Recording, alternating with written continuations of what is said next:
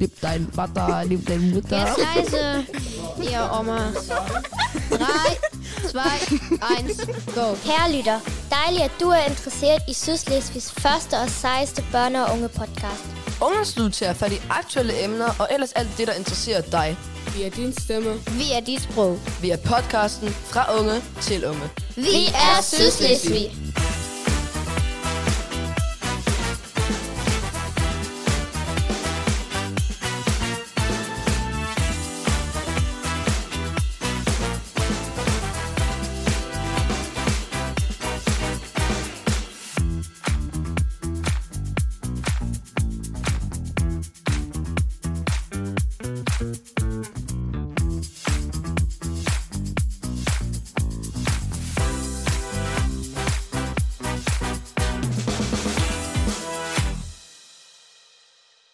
Hej og velkommen til en ny podcast episode her i Sankt Hans Kirken i Flensborg.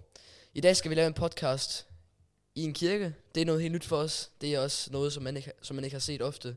Eller vi har faktisk slet ikke fundet nogen, der har lavet en podcast før i en kirke. Vi sidder her med Alena Strelo, øhm, og vi skal optage en podcast med sådan nogle kort her igen, ligesom vi gjorde i podcasten i den forrige podcast her. Så I kan se det. Det er sådan nogle kort her, hvor der står forskellige spørgsmål eller temaer på, som vi skal, så skal diskutere omkring øh, og snakke omkring. Alena, vil du lige fortælle, hvem du er, og fortælle om, hvad du laver her? Jeg hedder Alena, jeg er 30 år gammel, og jeg er født og opvokset i Sydslesvig. Det er måske egentlig ret vigtigt at vide. Jeg er præst i Sankt Hans og Adeby Danske Menighed, og det har jeg været i lidt over to år. Men jeg har været præst lidt over fire år. Så 1. januar 2019 blev jeg præst, så det er ikke så frygtelig lang tid siden. Yes, inden jeg blev præst, har jeg boet 6,5 år i Danmark. Og det har været virkelig vigtigt for mig. En vigtig periode af mit liv. Men den her sydslesvigske opvækst, den trak jo i mig, så jeg vil gerne tilbage til mindretallet. Og det er derfor, jeg blev præst i Sydslesvig inden for det danske mindretal. Yes, men det lyder spændende, så håber jeg, så har I hørt lidt om Alena, hvem hun er, og hvad hun gør her i hverdagen. Jeg tænker, vi bare starter med spørgsmålene her med det samme. Så vi tænker bare, Anna, du starter med at tage den første. Hvad tror I på? Et stort spørgsmål. Ja, det Jeg tænker, svært. jeg spørger jer først. Hvad tror I på? Altså, jeg tror på, at der er noget. Altså, jeg ved ikke, om det er Gud eller hvad end det er, der er deroppe, men jeg har, jeg, jeg har det bedre med, at man kan tro på, at der er noget deroppe, som man sådan kan tænke på, eller sådan kan snakke til, hvis man kan sige det på den måde. Hvis man ikke ved, hvad man, hvordan man har det, eller hvis man gerne vil vide noget. Jeg ved ikke, om det er Gud, eller hvad det er, men jeg tror på, at der er noget deroppe. Sådan. Jeg tror, sådan har det virkelig mange mennesker, Ja. den der holdning, som du lige har skitseret. Hvad med jer andre to? Ja, altså, jeg har det på, jeg har det på samme måde, så Mm. jeg tror ikke lige præcis på Gud, men jeg tror også, at der er nogen, som øh, passer lidt på mig, men det er ikke sådan lige præcis Gud. Det er et meget svært spørgsmål. Altså, det er, det er et stort spørgsmål. Det er også et meget abstrakt spørgsmål. Jeg må selv sige, at jeg tror på, at der er en højere magt af en art, Mhm. som så kan kaldes for Gud. Ja. Det er jo det, vi gør, når vi kommer her i kirke. Så kalder vi den her magt for at være Gud. Det jeg så ikke går så frygtelig meget op i, er at se det som, som en mandlig magt. Jeg kan godt lide, at det er sådan en universel magt, Ja. ja. faktisk. Hvilket går meget i retning af de nyere diskussioner i samfundet og også i kirken. At det ikke behøver at være en mand, man tror på, men at det er en magt. Mm-hmm. Det er det, jeg tror på. Og hvordan den så viser sig, tror jeg også kan være meget forskelligt, afhængig af, hvad vi har brug for. Men det synes jeg, det giver, det giver, god mening, hvad du siger. Altså, det behøver sikkert at være en mandlig magt, og det skal divers, eller hvad man, hvad man så skal kalde det, men Præcis. det kan jeg godt forstå, den tanke er, så jeg kan godt følge med dig i tanken der. Jeg tror også lidt, vi mennesker er jo forskellige, så jeg tror også, den magt, eller den højere magt, ligesom er forskellig afhængig af, hvem vi er. Ja. Så det altid passer til, så det altid er et match, så at sige. Så vi altid kan bruge, eller så vi altid kan være dem, Gud sender, den her højere magt sender for at virke for ham, men så vi også kan gå i samtale med vedkommende, eller med, med den her magt. Yes. Øhm, jeg tænker bare, at vi tager den næste kort lige. Lad os gøre det. Hvad betyder tro for jer? Jamen, jeg kan bare selv prøve at svare på det spørgsmål, som hvad jeg tænker. Altså, tro er noget, som tror, der, det hjælper mange mennesker med noget. Altså, det er sådan, at de har noget, de kan tro på, at de har noget, som de kan komme hen til, hvis de ikke ved videre lige nu. Øhm, og de så kan tro på det, at, eller på tro på noget, som så hjælper dem, eller noget. Så jeg, for mig betyder tro meget. Om det så er tro på Gud, eller tro på en højere magt, ligesom du siger, som jeg synes er det, som forklarer det bedst, tænker jeg, i min mening også. Um, altså, det er noget, man kan se op til, og noget, man tror på, som hvis man ikke har det godt, eller hvis man har noget, et åbent spørgsmål, eller noget, man tror på, at det går, bliver hele bliver godt igen, og man kan sådan... Jeg tror, man forstår, forstår du, hvad jeg mener? Jeg tror godt, jeg forstår, hvad du mener, ja. Ja. Hvad- Jeg, jeg, har, jeg har svært med at forklare det, men det, bet- jeg, jeg synes, det er vigtigt, eller for mig er det vigtigt at tro på noget. Det er jo også igen et meget, meget stort spørgsmål. Ja. Øhm, og meget bredt og meget individuelt. Hvad siger I andre to? Ja, altså jeg tror, at tro er noget, hvor mennesker virkelig går op i, og virkelig vil også øhm, gøre noget for, at øhm, dem, som de tror på, har lidt mere sådan, ja, hvordan skal man sige, at, øh, at vi tager Gud som, øh, for eksempel, at Gud også ser dem lidt mere. Mm. Og øhm, ja, jeg tror sådan, tro er bare noget, at, ja, og mennesker kan, øh, kan have noget, når de har noget at sige, når de ikke føler godt, at det godt, øh, kan gå i kirke øh, og snakke med nu for eksempel Gud. Øh, og det er sådan lidt tro, som jeg, altså, som jeg forbinder med tro. Ja. For mig er tro, når jeg, altså, når jeg har problemer, så kan jeg bare give dem op derhen, og så får jeg for det meste også et svar ind i mit hoved. Og når det er også, når jeg står for en situation, hvor jeg ikke ved, hvad, hvad, jeg, hvad, for, hvad, hvad jeg skal lave, eller hvad jeg, hvad jeg nu skal gøre der med, så er, betyder det også nogle gange tro for mig. Tre mennesker, tre bud på, hvad tro er. Jeg kunne komme med et fjerde, og det gør jeg også lige om lidt. Men det er vigtigt for mig at sige her, at tro er utrolig individuelt. Der er nogle mennesker, der har brug for mere. Komme i kirke for eksempel, det er den måde, de tror på. Og der er andre, der har nok i det at kunne bede, eller gå i dialog med sig selv som en slags bøn. Jeg har altid opfattet tro som et slags sikkerhedsnet at når livet bliver svært og er næsten ikke til at klare, så er tro og de institutioner, der, fører, eller der følger med, kirken for eksempel, et sted, man kan komme hen og blive grebet, så man ikke falder igennem. Mm-hmm. Det siger jeg, fordi jeg selv har oplevet det som teenager, at min kirke var et sikkerhedsnet for mig. Og det er faktisk også det, jeg gerne vil give videre til børn og unge, eller også de ældre, når de kommer i kirke, at her kan man være som, man, som den, man er. Og det er noget, troen kan. Og det er noget, de forskellige trosretninger også kan. Altså ikke kun inden for kristendom, men der er forskellige trosretninger, der netop giver svar, eller der, der giver tilladelse til, at vi kan være som dem, vi er, og at det er helt i orden. Og det synes jeg er den, den store styrke i, hvad tro er. For mig i hvert fald. Yes. Jeg lige kort den her videre til Frederik. Eller til Fredrik. Okay, øh, hvad er tro godt for? Det er øh, igen et stort spørgsmål, synes jeg. Øhm, det må jeg lige tænke over, hvad det er, hvad tro godt er, hvad tro godt er, er godt for. Jamen, det er svært at sige, synes jeg. Mm. Øhm, men det er godt for, altså lig, ligesom jeg sagde lige før også, at man har noget, som man kan tro på, hvis man ikke lige ved, hvordan det er, hvordan man har det lige nu, ved hvordan det lige nu går. Man kunne dreje det om og sige, hvornår tror vi? Det er jo ganske ofte og meget klassisk, når livet er lidt svært. Ja, lige præcis, det er det. Ja. Og så, kan det, altså, så er det jo, at tro i det øjeblik bliver en støtte. En søjle, man kan støtte sig op af. Et, et sted, man kan gå hen, eller nogle ritualer, nogle værktøjer, man kan trække op. Mm-hmm. På, på den måde. Altså hvis, det er måske en nemmere tilgang til, til det spørgsmål, hvad tro er godt for. Kan I komme i tanker om, hvor, hvornår det er godt at tro? Altså, hvornår det er? Har I Altså- nogle eksempler? For mig er det de steder, hvor jeg altså...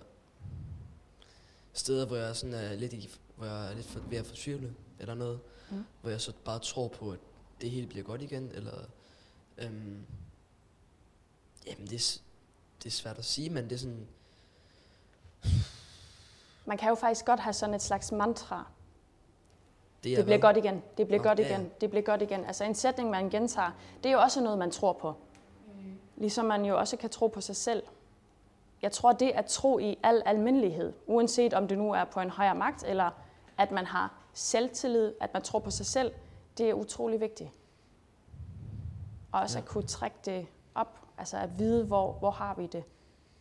Så det at beskæftige sig med det, det tror jeg, Min mor siger altid, at når man ikke elsker sig selv, så kan man heller ikke elske andre. Nej. Og det er der helt sikkert noget sandt i. Fordi når man ikke kan det selv over for sig, hvordan skal man så have overskud over for andre? Og det er jo sådan noget, tro, jeg tror, hvis man tror, kan man hvile mere i sig. Og dermed ikke sagt, at dem, der ikke tror, ikke kan det. Men det, vi tror på, kan jo bare være meget forskelligt. Forstår I, hvad jeg mener? Altså, Ja, og på Ja. den måde, altså det, at vi tror på et eller andet, det tror jeg bare er virkelig vigtigt.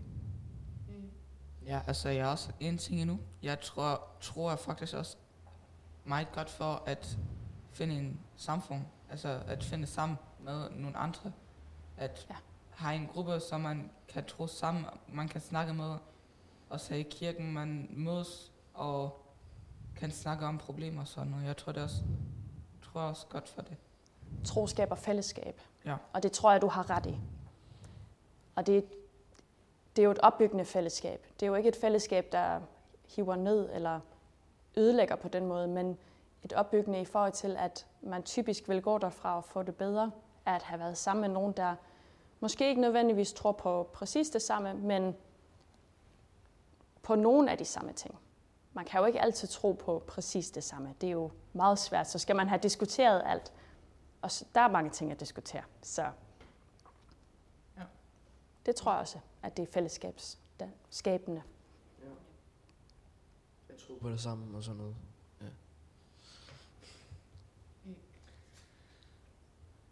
Hvorfor tro på en Gud? Altså det er et spørgsmål, der står her nu. Det er, hvorfor tro på en Gud? Øhm, Måske fordi man, nogle mennesker har brug for det at sige, hvorfor og hvad de tror på. At de kan samle det i en bøtte, Mhm. hvad de tror på og hvorfor. Jamen det er også bare, jeg synes, jeg kan, godt, jeg kan godt lide at tro på, det som jeg allerede sagde i starten, at tro på, at der er en magt, eller hvad man skal kalde det. Øhm, sådan, sådan i det hele taget. Om det så, altså, tro på en Gud, for at, øhm, ja, så, for at tro på noget, og for at tro på, at der er noget, der kan hjælpe en, eller der er noget, der er, er der for en, eller noget. Og der er jo også troende, altså mere troende religioner end andre og sådan noget. Ja.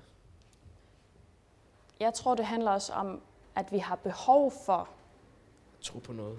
At tro Ja. på noget, der er mere defineret end Ja. bare Mm. et eller andet. Altså at det skal være lidt mere konkret. Og det er jo faktisk, når vi, når vi læser i Bibelen, er der jo meget konkrete billeder af, hvordan og hvem er Gud. Og nogle af dem kan vi så være enige i, og nogle af dem kan man være uenig i. Men jeg tror, mennesker altid har haft behov for at få det lidt mere konkret. Fordi det, der er ukonkret, det har man utrolig svært ved at forholde sig til. Ja.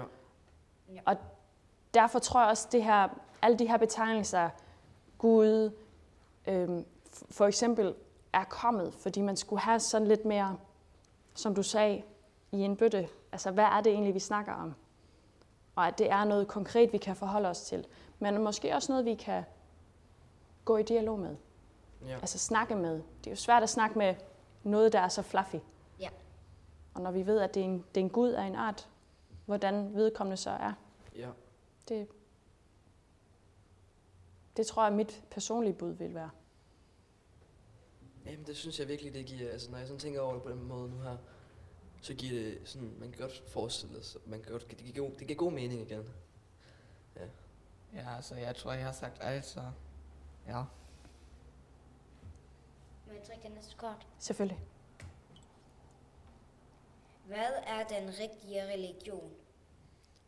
Der findes ikke nogen rigtig religion, vil jeg bare lige starte med at sige. Altså, Ja.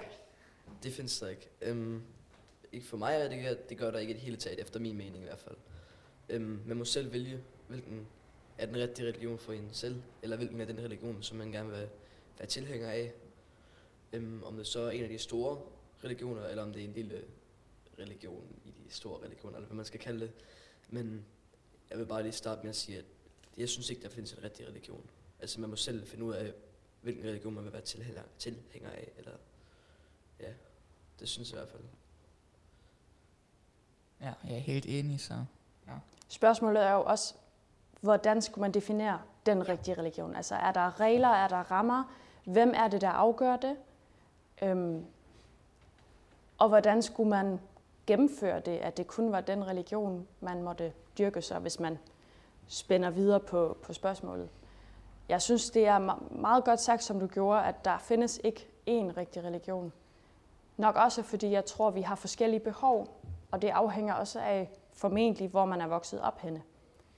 Her i vores samfund, i vores Eller hvad verden. man er vokset op med. Eller hvad man er vokset op med, ja. Fordi når man færdes her, er det jo primært, i hvert fald overvejende, den kristne religion, der gør sig mm. til udtryk her i Tyskland i hvert fald. Øhm, og jeg vil slet ikke sige, at det er den rigtige religion, fordi jeg synes, der er virkelig mange gode træk også i andre religioner. Plus, og det ved jeg ikke, om I ved, men de tre største religioner, kristendom, jødedom og islam, bygger jo faktisk op på hinanden. Så den bibel, jeg bruger i gudstjenesten, har jo faktisk også dele af den jødiske tekst. Det gamle testamente hedder det så. Så vi bygger faktisk videre på det, jøderne har troet på. Bare en Ja. fortsættelse. Der er jo også altså et land, Iran hedder det, tror jeg, og der mener regeringen, at alle i landet kun må tro på den ene religion. religion. Og damerne, altså, skal jo også, og pigerne skal jo også have sådan et forklæde for, for hårene, fordi Ja, de må ikke vise deres krop, undtagen Ja. hænderne, eller ja, hænderne eller ansigtet.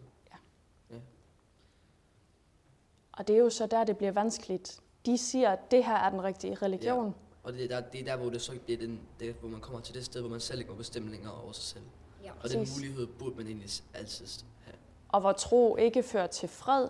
Vi har jo indtil videre ligesom sat nogle positive aspekter på det at tro og hvad tro kan. Mhm. Mm-hmm. Men når det bliver på den her måde, når det bliver sagt oppefra og ned, så bliver det jo til noget negativt, Ja. fordi Ja. man ikke har den frihed inden for, hvad man vil tro på. Mm-hmm. Så det kan også være virkelig svært og vanskeligt at snakke om det her, især når man er inden for nogle rammer, hvor man ikke må tale om det, eller hvor det bliver bestemt oppefra. Ja, det er skrækkeligt, at det skal være på den, på den måde nogle, skred, nogle steder, synes jeg. Ja. ja.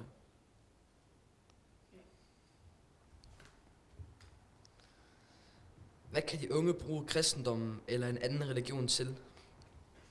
Det tænker jeg, jeg vil gerne bede dig om at få give svar på først.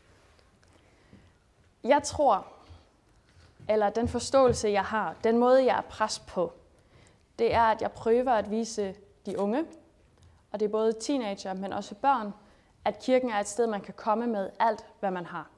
Det vil sige, alt, hvad der bevæger sig inden for ens hoved, alle de sorger og belastninger og alt. Altså, man må komme som den, man er, uanset hvad det er, man har med i sin bagage. Det er sådan rent billedligt, skal I ikke stoppe op ved kirkedøren og efterlade alle jeres ting udenfor, men I må tage det med ind. Kirken er altså et sted, hvor man må komme som den man er, med alt det man har, og være velkommen. Og så kommer man eventuelt ud af den med endnu mere, hvis man kan sige det på den måde. Eller man har måske fået svar. Man har måske fået nogle værktøjer og nogle redskaber, så man kan få løst nogle af tingene, man har slæbt rundt med sig. Og måske har det lettet. Måske kunne man efterlade nogle ting, man gerne vil slippe af med i kirken. Der, der er rigtig mange. Og så synes jeg, altså mange aspekter i det. Men jeg synes også, at kirken skal være et sted, hvor man, hvor man kan mødes om den tro, man nu har. Om den så er så forskellig, som den er, lige meget. men at man kan mødes og, og være fælles om det. Jeg har lige lært eller opdaget, at når vi beder sammen, en bøn som fader hvor, den er altid med i gudstjenesten, så er vores åndedræt synkroniseret. Det vil sige, at vi trækker vejret på samme øjeblik. Og det kan noget. Det her, at vi er individuelle, det vil sige, at vi kommer hver for sig, som du lige før sagde, det her fællesskab, det dukker pludselig op, og det kan ikke bare høres, fordi vi synger og beder sammen, men det kan også mærkes, fordi vi trækker vejret sammen. Ja. Og det er sådan en oplevelse, jeg tror, mange har godt af Og nyder. og nyder, ja. Men jeg synes også, noget af det allervigtigste er også, at kirken er et sted, hvor man ikke bliver bedømt. Jeg mærker det, når jeg har konfirmandforberedelse, at der er altid nogen, der bedømmer alt, hvad man laver, når man går i skole. Alt, hvad der skal afleveres, alt, hvad man siger i undervisningen, der er altid noget, der bliver bedømt. Og det er jo også, når man går til noget idræt. Det handler jo altid om at blive bedre, så der er altid noget, kan være noget bedømmelse i. Når man kommer i kirke, er der ikke noget bedømmelse i. Man kommer bare. Der er ikke nogen, der siger, du synger forkert, eller du har bedt forkert. Det findes ikke. Man må være præcis som man er. Og det, det er noget af det, jeg gerne vil, vil vise de unge og børnene, når de kommer her. Og så har jeg også danset i kirke. Det var også vigtigt for mig. Men nogle børnehavebørn, de var sådan meget stive i det, og så sagde jeg, prøv lige at danse. Og så forstod de, at kirken var altså det sted, hvor man kunne være, som man er. Ja, og det er selvfølgelig også dejligt at have sådan et sted, hvor man bare kan komme og være sig selv. Har Ja, I kan man sådan et også- sted? Hvad? Har I sådan et sted? Man kan ikke, for, hos mig kan man ikke kalde det for et sted, synes jeg. Man kan kalde det for noget, man gør, eller... Altså for mig er det... Et sted, når jeg spiller basketball, så kan så jeg spiller basketball selv. Mm. Når jeg spiller basketball, så kan jeg bare lukke ned for det hele.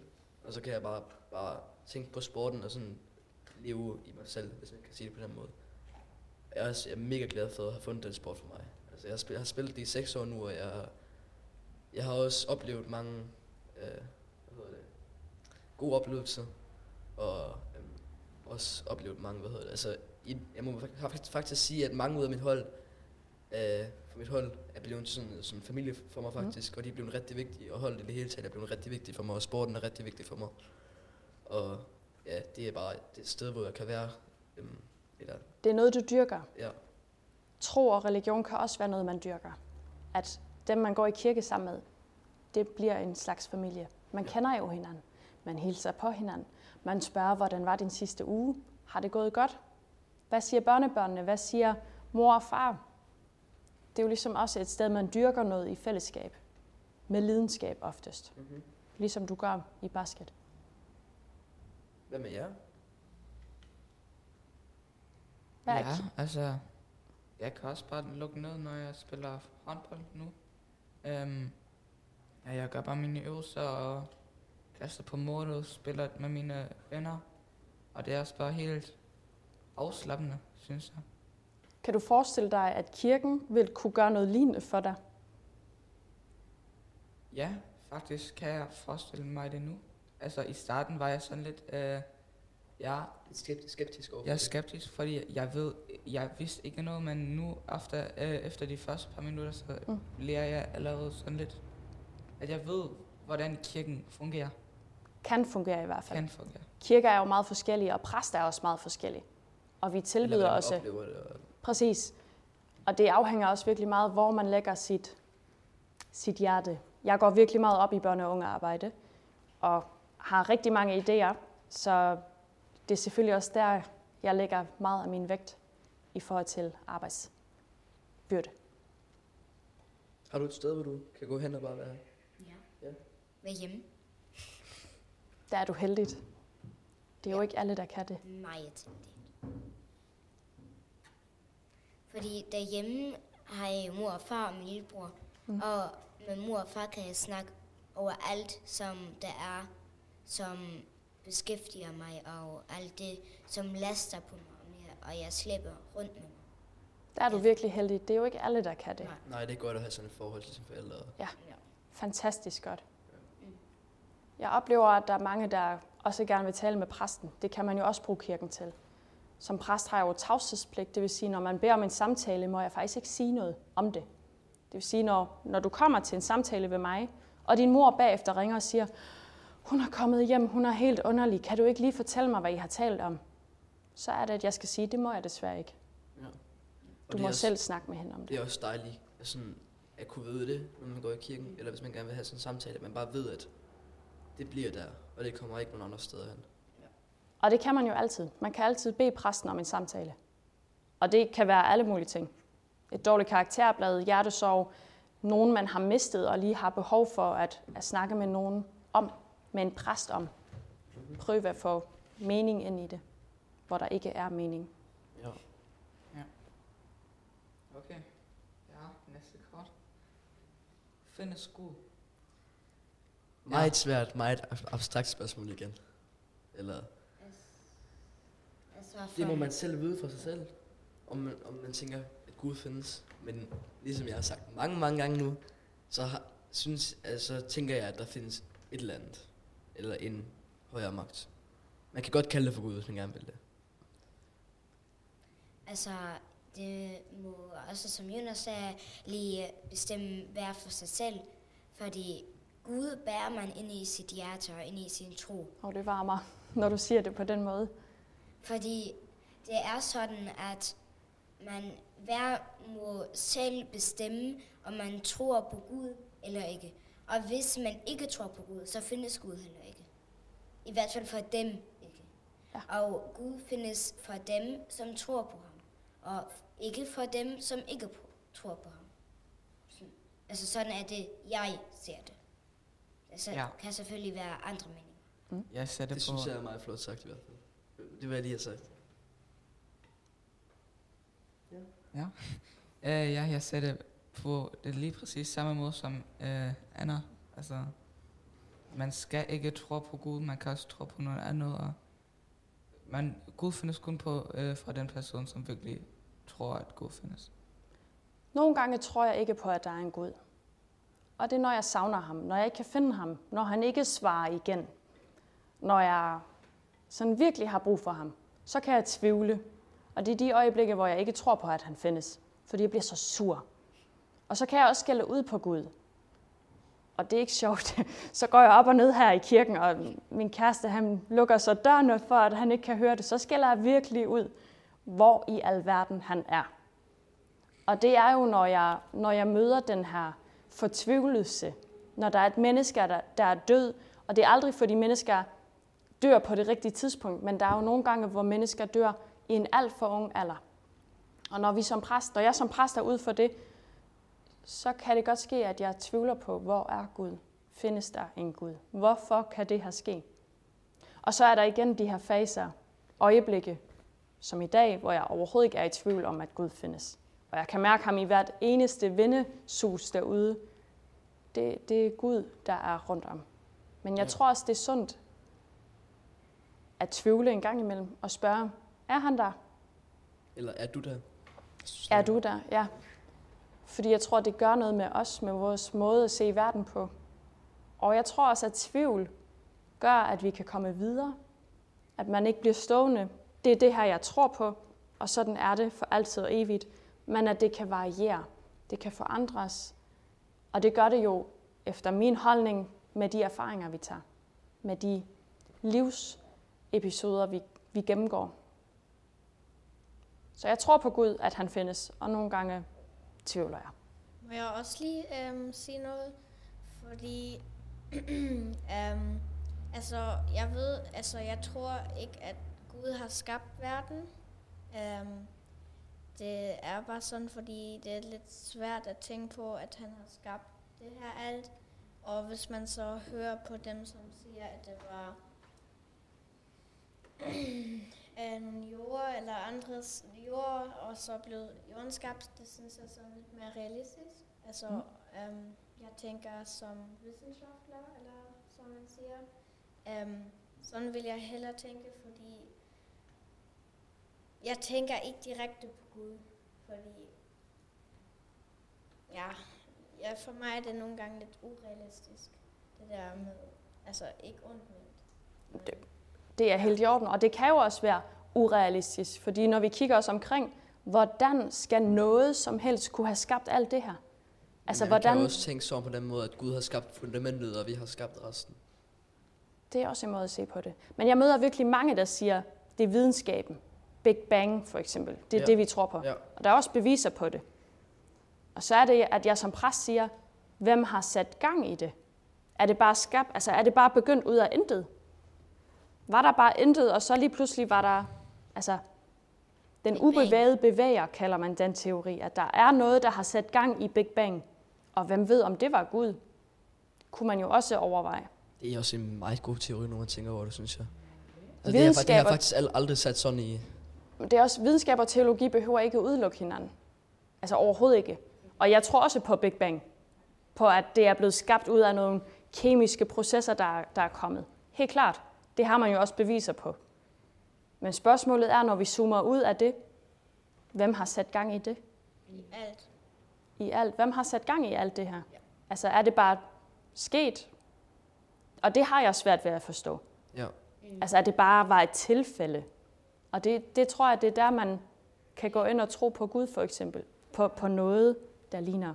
Men det er jo også sådan, altså hvem har skabt det, som så det skete? Altså, ja, hvad skal man sige? Altså, Man kan køre rigtig meget i ring. Altså zoome ud igen. Hvem har skabt det, og hvem har skabt det? Men det ved vi jo ikke. Altså det, er, det, det, det, det har man ikke sådan rigtig svar på. Jeg det kan bare nok- godt Det lide kommer nok tanken. heller ikke til at få svar på. Nej, netop. Der er også nogle ting, vi ikke kan svare på. For mig personligt kan jeg bare godt lide tanken om, at der er en magt, der har sat gang i det, Jeg har det på lige præcis samme fordi han synes, det var, eller vedkommende synes, det var godt. Lad os se, hvad der sker. Lad os lege lidt. Lad os lave et kemisk eksperiment. Hups, så var jorden der, og alle planeterne, og hvem ved det? det altså, jeg ved ikke svaret. Det er den helt forkerte del, jeg er uddannet i, så. Men det er jo et godt spørgsmål at stille og komme med. Ja. Hvornår var I sidst i kirken? Hvorfor er der, øh, og hvorfor er der ikke mange unge, der går i kirke? Hvornår var I sidst i kirke? Udover nu. To Øh, nej, det er faktisk to uger siden på konfirmation. Ja, nede i Esbjerg i Danmark. Var jeg på konfirmation, og der var jeg også i kirken før, og så jeg blev konfirmeret. Ja, så det er to uger siden. Ved mig er det to år siden. Og der var jeg første gang, tror jeg, også i kirke. Nej, ikke første gang, jo. Jeg ved ikke helt, om det var første gang, eller anden, eller tredje. I hvert fald var jeg der for et bryllup. Min tante og min onkel har gift, altså blev gift. Mm. Og der havde vi så, var vi sådan i kirke, sådan, og de er blevet de gift, og jeg og min kusine har strøget blomster på vejen, og der var jeg sidste gang i kirke. Og det er to år siden. Ja, Cirka. Der var, ja, cirka. Der var jeg syv og en halv, Ja, næsten otte, og det er nu to år siden, ja. Ja, altså, jeg tror, det var cirka fra min søster øh, et år fra øh, konfirmation fra min halvbror. Mm. Jamen, det er sådan, jeg ved ikke. Ja. Men ja, øh, der var vi i kirke, var jeg i kirke sidste gang. Så det er også lidt siden allerede. Når jeg smiler sådan, så er det, fordi jeg, jo, jeg selv jo er i kirke hver eneste søndag.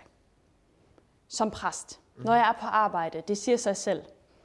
Privat var jeg sidst i kirke langfredag denne her påske. Men det var, fordi jeg ikke selv havde en gudstjeneste. Så jeg havde tid til at komme i kirke et andet sted. Det er jo typisk, som præst har vi jo selv en gudstjeneste, så det er sjældent, at man har mulighed for at gå til en tjeneste et andet sted. Men selvfølgelig, og det jeg hører jer sige, er jo, at I var med, fordi der var noget, der skete, som I kom til. Bryllup, konfirmation. Og det er jo typisk der, vi går i kirke. Ja. Det er i hvert fald der, mange kommer i kirke. Når man kigger om søndagen, er der ikke så mange, henholdsvis ikke mange unge i hvert fald. Jeg er utrolig heldig her, at vi har en del unge, der kommer i kirke, fordi konfirmanderne er virkelig glade for at komme i kirke. Så der er Og typisk det er altid... sådan, som det helst skal være egentlig. Ja, men det er jo, de skal komme i kirke et vis antal, Ja. og de vælger jo selv, hvordan de fordeler det. Og faktisk også i hvilken kirke, fordi det eneste krav er, at det er en dansk kirke. Og der er jo mange her i Flensborg. hvor langt er man egentlig i kirke i, altså her. Fordi jeg ved, at i de tyske kirker er man, tror jeg, i to-tre år eller sådan. Eller fire år, ved jeg ikke helt. Og i de danske er man i hvert fald meget mindre. Er det sådan her, at man er, altså, hvor lang tid er man her i kirke? Først, i den tyske kirke er der forskellige modeller. Der er nogle præster, hvor man skal gå til konfirmandforberedelse to år, og der er andre, hvor man har tilpasset det, når de har et tilbud om fri konfis. Det er det, vi i dansk kalder for junior- eller minikonfirmander. Så behøver man kun komme et år. I den danske kirke, så er det kun i 8. årgang, man går til konfirmandforberedelse.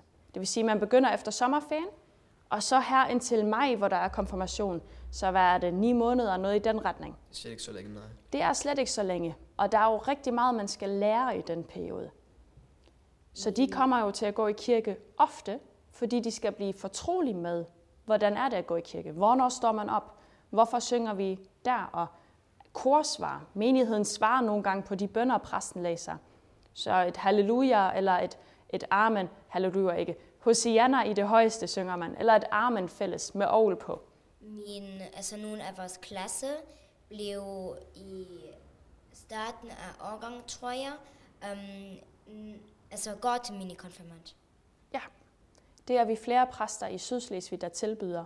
Og det er jo det er et sjovt koncept. Der har været det her, før jeg kom til, under min forgænger. Kom jo hertil under corona, så jeg har ikke rigtig fået det op på benene igen. Men det er en rigtig sjov måde at lære kirken at kende og se, hvad, hvad det er. Jeg har tænkt mig, at vi skal synge rigtig mange salmer, altså kirkelige sange, med fakta på. Ligesom når man synger Lille Peter Æderkop og laver det her, så findes der fakta til kirkelige sange, hvor der er en person, der går på, be- på armen for eksempel. Eller vi ses igen, og vinden, der blæser, solen, der varmer. Og på den måde, fordi det kan være svært at lære nogen en, en sang, man ikke kender eller hører så ofte, men de her bevægelser, det er noget, børn godt kan huske. Og det... Så når vi gør sådan noget, så kommer de også gerne i kirke. Og meget faktisk. Ja. Der var faktisk nummer to spørgsmål her, eller et spørgsmål, som bygger lidt op på det første spørgsmål, første spørgsmål her. Hvorfor er der ikke mange unge, der går i kirke? Hvad tænker du? Og så kan vi måske selv sige, hvad vi tænker. Jeg tror, at det er for langt om søndagen. Den klassiske gudstjeneste, som var en time, den ligger klokken 10. Jeg kan selv huske, at jeg ikke gider at stå tidligt op i weekenden. Man vil gerne sove længe. Og så tror jeg, at den er for langt i, i forhold til 10-11. Og det er måske også noget, der er fremmed for mange unge. De forstår ikke, hvad er det, præsten siger, og alle de her ord og vendinger. Og det er jo ikke altid, man kan forstå, hvad det er, der bliver sagt. Plus, at jeg tror, at prædikenen ofte, altså det, den tale, præsten holder, som præsten selv har skrevet, jeg tror ofte, den er for lang også, og for kompliceret. Der er nogle gange, at jeg tænker, at jeg skal skrive den sådan, at de unge kan forstå den, så når konfirmanderne kommer, at de kan. Så tager jeg nogle eksempler, nogle, så har jeg spurgt dem, hvad for nogle serier jeg ser i. Hvad er populær? Og prøver at inddrage det. Så det bliver sådan en, jeg forstår, hvad du siger, Ja. min kære præst. Ja. Men når man kommer, og præsten snakker om alle mulige voksen ting, Ja. jamen, så sidder man bare og kigger på ud og overvejer, Jeg tænker, åh, er hun ikke er snart færdig? Ja. Ja. Og når det er det, så tror jeg altså, at man ikke kommer igen. Ja. Men der er jo flere gudstjenester end bare højmessen, gudstjenesten om søndagen. Der er jo også noget, her i kirken holder vi noget, der hedder spaghetti-gudstjeneste. Og hvad er det? Den var de også inviteret til. Det er nemlig rigtig populært blandt børn og unge. Det er en meget kort gudstjeneste. Der er nogen, der vil sige, at den er alt for kort. Den er, når den er meget kort, er den på et kvarter. Når den er lidt længere, på 20 minutter, måske 25. Men den er på børnenes præmisser. Det vil sige, at jeg sidder på gulvet, og der er altid en aktivitet. Jeg læser ikke fra Bibelen, men jeg genfortæller. Vi beder sammen, viser, at vi folder hænder, og så har vi de her sange, hvor vi har nogle fakta til. Og så er det typisk de samme sange. Så er der noget genkendelse. Og til slutningen spiser man, tror jeg, spaghetti. Og bagefter får man, ja, vi får pasta med kødsovs, og en vegetarret har vi også. Spaghetti er for svært at spise. Det Ja. griser for meget. Det gider vi ikke. Jamen, jeg tænker faktisk, jeg tænker, vi er alle sammen ret enige med, hvad du tænker. Ja, jo. Så vi kan bare hoppe videre til næste.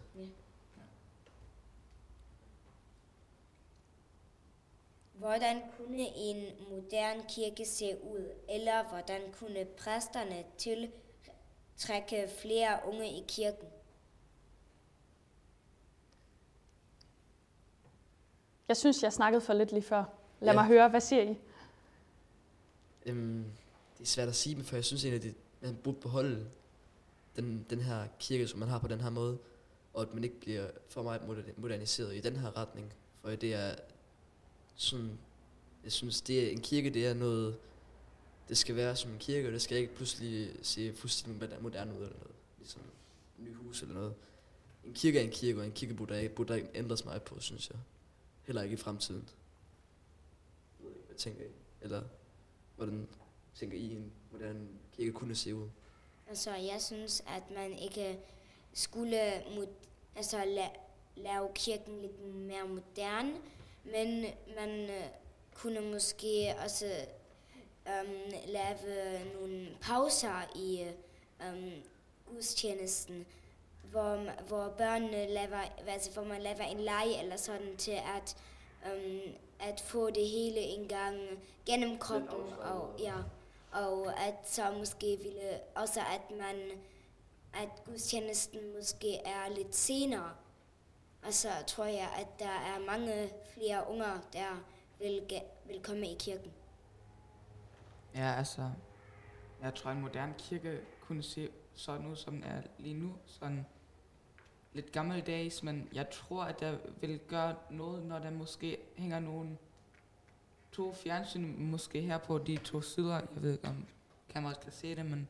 Øhm, og hvis I så, øh, hvis så synger, synger salmer øh, eller sådan, sådan noget, så løber et video til, og vores små børn kan se, hvad um, der sker i salmen.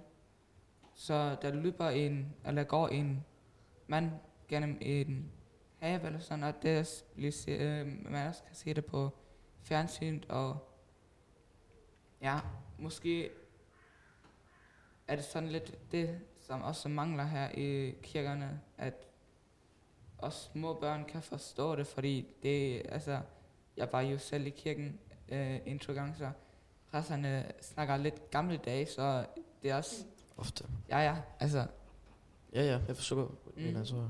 og det er sådan lidt, jeg med 10 år kan ikke forstå et ord, hvad der bliver sagt, sådan, og det er lidt nuancer. Det var præcis det, jeg mente lige før, at vi nogle gange i kirken bruger et sprog, man ikke kan forstå. Ja. Så måske er det sproget, vi skal modernisere. Mm-hmm. Jeg har været i en kirke engang, hvor der var et tv. Og for mig, nu er jeg jo heller ikke så gammel, men det var forfærdeligt. Det, det passede slet ikke ind. Ja, det, det, det er nemlig lige præcis det, jeg mener. Jeg synes, det har noget med sådan en kirke. Det har noget over sig. Og jeg Men det synes, vil burde også- beholde. Det kunne også være smart at have nogle videoer til salmerne, så man kunne visualisere det Ja. på den måde. Ja. Så det tror jeg har begge dele har fordele Ja. og, og ulemper. Men jeg tror, det ville blive svært at få de ældre her i menigheden til at sætte skærme op til højre og venstre for alteret. Det tror jeg Ja, ikke, de vil gå med til. Nej.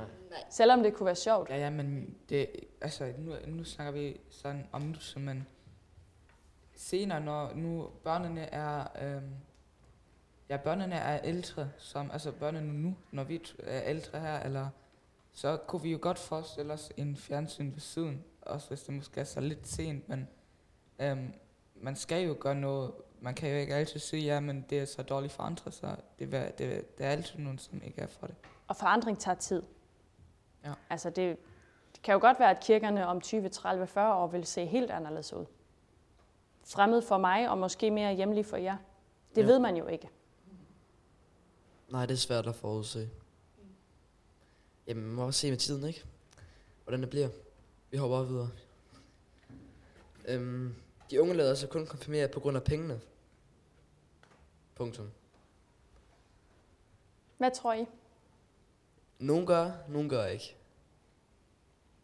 Altså måske begge dele. For de ene er pengene det vigtige, og for de andre er det vigtige at være Guds barn. Ja. Og for nogle er det, er det er begge ting vigtige. Jeg, Altså, Fordi der er jo også nogle unge, som får få lommepenge, og de vil selvfølgelig gerne få flere penge, og gør det derfor, og andre gør det, fordi de vil være Guds barn og høre til den der del, der hedder kristendom. Nå ja, altså, mm, jeg har, altså, ved mig er det sådan, altså, jeg ville også først kunne konfirmere mig, fordi, øh, på grund af pengene, um, men senere så sagde jeg bare, at det er lidt ondt, tror jeg, fordi jeg, altså, jeg tror, jeg tror ikke på Mhm. Gud. Um, og så sagde jeg det til min mor, og så sagde hun, ja, vi kan også bare gøre en aftale, hvis det kun går dig pengene, så kan du også bare få dem sådan. altså, Ja, for man, jeg synes heller ikke, man burde sige ja til, at man tror på Gud, hvis man ikke gør det. Og jeg tænker desværre, at det er blevet sådan igennem tiden, at hvis man stiller 10 børn op og spørger dem, vil du blive, konf- uh, vil du blive konfirmeret uden at få pengene, så er der nok omkring halvdelen, der siger, at de ikke gider alligevel måske. Eller der er i hvert fald mere, end der var tidligere, der gang. For i tidligere tænker jeg slet ikke, at det var sådan, at man får penge. Det ved jeg nu slet ikke. Men jeg tror desværre, at der er mange, eller flere øh, tidligere eller noget, som så vil sige, at de ikke vil gerne, at de ikke vil konfirmeres alligevel. Hvor de så siger på grund af pengene. Og så synes jeg, det er mega flot, at Levin, at han siger, så vil jeg ikke blive konfirmeret, for jeg synes, man burde blive, kun blive konfirmeret, øhm, når man så også virkelig, for man giver jo sin trosbekendelse, Mm. og den trosbekendelse, den skal komme fra hjertet, og den skal komme derfra, hvor man så siger, at jeg tror virkelig på Gud, og jeg vil gerne være ligesom ellers siger, Guds barn. Ja, altså, øhm, der er også nogen, som snakker i vores skole sådan, ja, øhm, jeg vil købe mig en ny iPhone, når jeg bliver De konfirmeret. snakker kun om, hvad de vil købe, når de... Ja, ja. Mm. Altså, de de snakker, hvor meget penge de får, og hvad de vil købe og sådan noget, og det synes jeg også er lidt træls, men Jamen, jeg synes, de giver sådan noget... Det gør utroligt i stykker nogle gange, har jeg følelsen af. Eller det gør det sådan lidt det der med, at man... Det, man, man burde konfirmeres, fordi man gerne vil have den der tro, fordi man gerne vil have det der, den der forbindelse til Gud. Eller, Det er i hvert fald ikke autentisk, Nej. når de siger ja til noget, de slet ikke kan føle på Nej. nogen måde. Når jeg begynder konfirmandforberedelsen, så skal de altid udfylde et anonymt schema, hvor jeg blandt andet spørger, hvorfor de vil konfirmeres. Og så er der mulighed, fordi familien, det er det, man gør, fordi jeg er interesseret i kristendom, eller på grund af pengene. Det er anonymt. Det er kun krydser, så jeg kan ikke engang se, hvilken håndskrift det er. Og det er overraskende mange, der faktisk, enten tør de ikke at være ærlige, eller så er det faktisk også det, der er overraskende mange, der siger, de er interesseret, og fordi det er noget, familien gør. Men jeg har også oplevet, at der er konfirmander, der har kommet til konfirmandforberedelsen, og til sidst har sagt, ved du hvad, Alena, jeg, kan faktisk, jeg føler ikke, jeg kan sige ja til det. nej. Altså som netop Ja. har været ærlig over for sig selv, og, og har det er sagt, at se så, når man har det på den måde. Men jeg synes, altså, det som jeg har hørt nu her, eller det som jeg hører, når jeg er sådan ude på skolegården eller noget, og der er mange for den, lige præcis til den her tid, lige for tiden om året, at de snakker meget om konfirmationen. Mm. At, de, at det er en høj del af konversationen, som handler om det, så det handler om pengene. jeg tror også, det, er- det er det, man snakker om. Ja. Jeg tror ikke, man står i skolegården og snakker Nej, om, det, det er nok også og hvad har du bedt om i sidste bøn? Altså jeg tror altid, ja. det, det kan være meget forskelligt. Jeg, jeg giver det altid som et tilbud, at man kan komme og være med til konfirmandforberedelsen. Og tage med, hvad man kan få ud af det. Altså om det er nogle svar, man får stillet og besvaret, eller om det er måden, man kan lave et lille hjemmeritual. Alle de oplevelser. Det vil jeg gerne give med. Og om de så til sidst kan sige ja eller nej, det er faktisk heller ikke så vigtigt, fordi det er egentlig Gud, der siger ja til os. Det er faktisk det, der er allervigtigst. Ja. okay. Skal en præst have noget andet tøj på end øh, præstekjolen? Hvornår? Til, der, tror jeg ikke på. Eller, Nej, står ikke på. Hvad tror I? mm, altså, Jamen i sin fritid, men ellers har jeg ikke rigtig set en Altså, præst, ikke i præst. har en præstkjole noget særligt?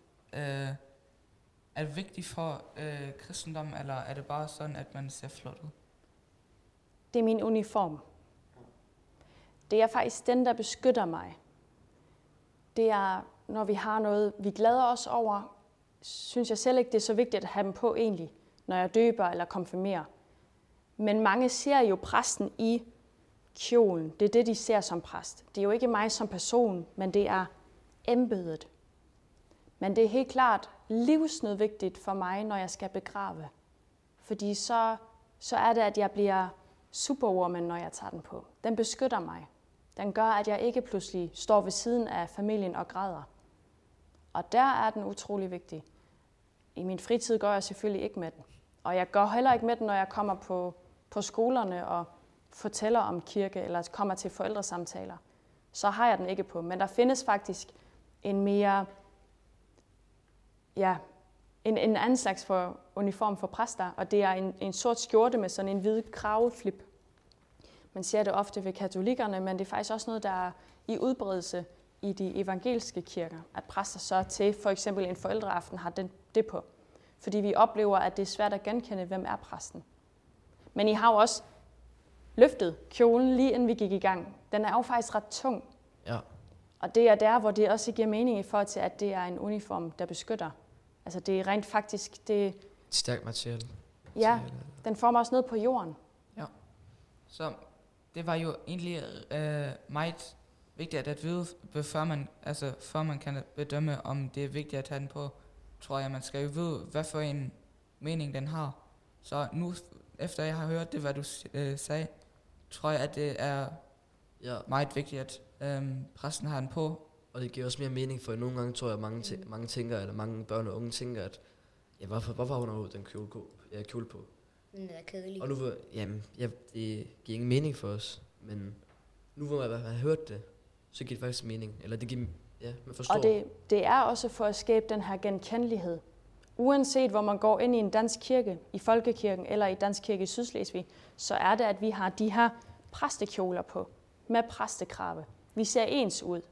Det hoved, der er på, er forskelligt, og hænderne selvfølgelig, men resten er ens. Man kan genkende. Og når vi går på alderdomshjemmet, er det ikke, at de gamle kan genkende, at det er alene, der kommer, men det er præsten. De kan Ja. først genkende mig, når jeg har kjolen på. Så der er også en styrke i, at vi bruger den på den måde. Helt klart. Jeg har lige spørg- det sidste spørgsmål, eller det sidste, der er her. Den tager overtager Anna Marie.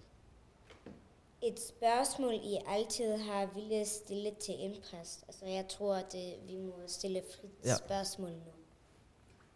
Evan, har du et spørgsmål? Du slet ikke snakket så meget endnu. Um, altså, jeg har bare...